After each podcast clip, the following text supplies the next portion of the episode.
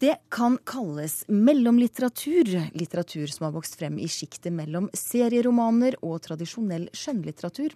Og her befinner bestselgerforfattere som Cecilia Samartin og Victoria Hislop seg.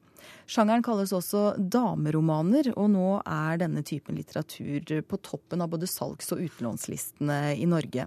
Men med inntoget av disse dameromanene så har altså mangfoldet i bokmarkedet blitt mindre. Det mener du, Cecilie Naper, førsteamanuensis i litteratursosiologi ved Høgskolen i Oslo. Det ble ja. mange ord på en gang, men hvorfor mener du det? Det er vel ikke akkurat det jeg mener. Jeg mener at i takt med at bokmarkedet på 2000-tallet har blitt fristilt, og vi ikke lenger har hatt virkemidler man sikta mot å sikre mangfoldet og bredden, så har, blitt, eh, har folk begynt å lese mer det samme. Vil si at nå leser de krim, spenning, og de leser denne internasjonale bestselgerlitteraturen.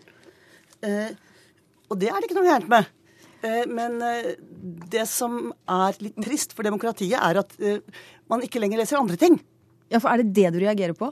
Ja, Det jeg er opptatt av, er eh, at bredde og mangfold det styrker i siste instans demokratiet. Arve Juritzen, forlegger og fungerende daglig leder i Juritzen eh, forlag.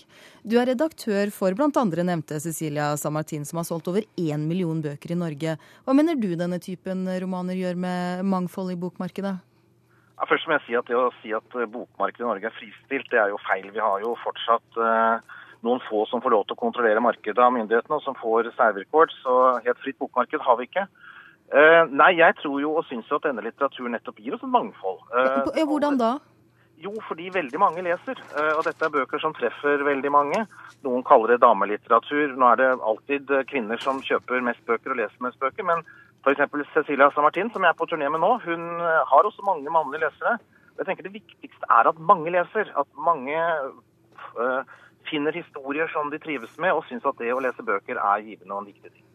Ja, det, til deg da, tilbake til deg, Naper. Her, sier vi at, eller her hører vi juristen si at det, er, det, viktigste er at folk leser. Er det da så farlig at vi ikke har dette store mangfoldet? Jeg blir nesten tvunget til å si to ting. Da. For det første så vet juristen like godt som meg at bokmarkedet på 2000-tallet eh, etter 1999 har vært atskillig friere enn før. Og at samtidig har vi sett en endring i lesevanene.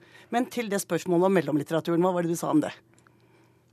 Er det Juritzen du sikter til? Nei, ja, nei ja, du, du, spør om eh, Er det så viktig hva ja, folk leser, da? Ja, det er viktig hva folk leser. fordi Juritzen viser her til at både kvinner og menn leser jo mer. De leser Samatin eh, alle sammen. Så er det da så farlig så lenge folk leser? Ja, det er vel ikke så veldig mange mannfolk som leser Samatin, men uh, hva folk kan lese. De kan gå på tur, de kan gjøre mye rart. Det som er spesielt med ord og med litteratur, er at det gir oss ideer og impulser inn i hodet vårt som vi kan dele med andre i et demokrati.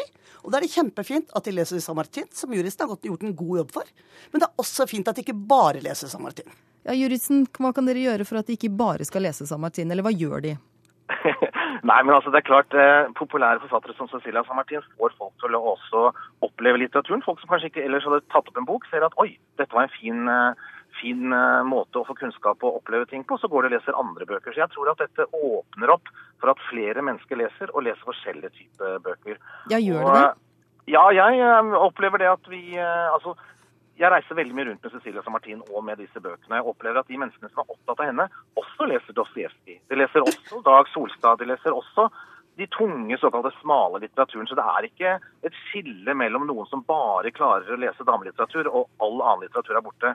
De som leser disse bøkene vi snakker om, er storlesere. De leser ofte en bok i uka. Og jeg er overraska over hva de kan sluke. Det er veldig mange typer litteratur, også den såkalte tunge, den såkalte smale. Dette må Naper få lov til å reagere på, for det kom en, en ganske spontan reaksjon her. Det hørtes ikke ut som du trodde veldig på det? Nei, altså når dette, dette, dette, med 'jeg kjenner en som leser', jeg pleier ofte å kalle det for tanta mi i Drammen-argumentet. Og alle leserundersøkelser viser jo det. At det er ganske det er i større og større grad ganske vanntette skott mellom uh, de som leser ulike typer litteratur. Hvilke, under, hvilke undersøkelser er det? Nå kaster ut masse påstander. Jeg har ikke sett det dokumentert. Jeg er ute etter markedet hver dag. Og jeg har til og med jobbet i butikk hvor jeg har stått og prøvd å observere det. Og jeg ser at folk er differensierte. Det er ikke noen at noen er dumme og noen er kloke. Så jeg vet ikke hvor du har de påstandene dine dokumentert fra. Og nå syns jeg du rører mye sammen. Det er ikke sånn at noen er dumme og noen er kloke.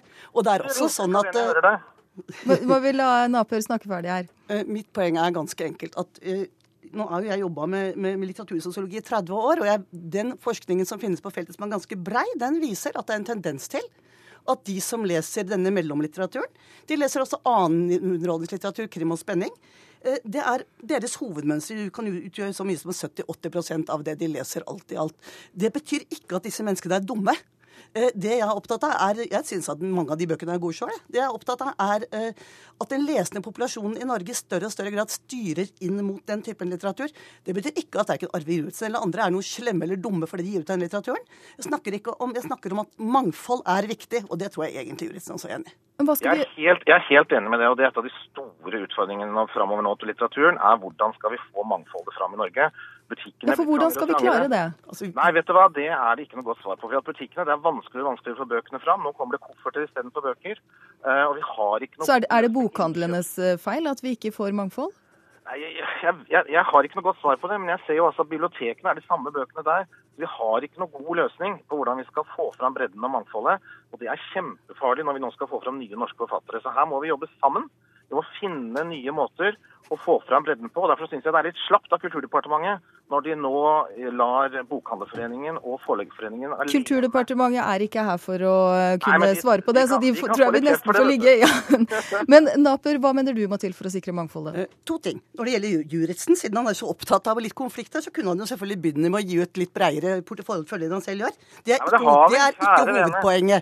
Hovedpoenget er at vi, mens vi fram til 1999 hadde en bokhandlerbransjeavtale uh, som påbød alle, nesten alle bokhandlere å gi ut all nynorsk skjønnlitteratur og selge all nynorsk skjønnlitteratur. Mange hadde så mange som 5000 titler. I dag har bokhandlerne eh, mellom 300 og 500. Veldig få er fullassorterte. Det vil si at folk eksponeres for veldig mye mindre variasjon enn før. Noe som i neste omgang har ført til at folk leser nokså likt. Du kan lese min artikkel i Nytt Holdsskrift 2009 hvis du har lyst til å lese mer om det. Og dette kunne vi sikkert snakka mye lenger om, har jeg følelsen av, men her må vi sette strek. Takk skal dere ha begge to. Cecilie Naper, førsteamanuensis i litteratursosiologi ved Høgskolen i Oslo, og Arve Juritzen, forlegger og fungerende daglig leder i Juritzen Forlag.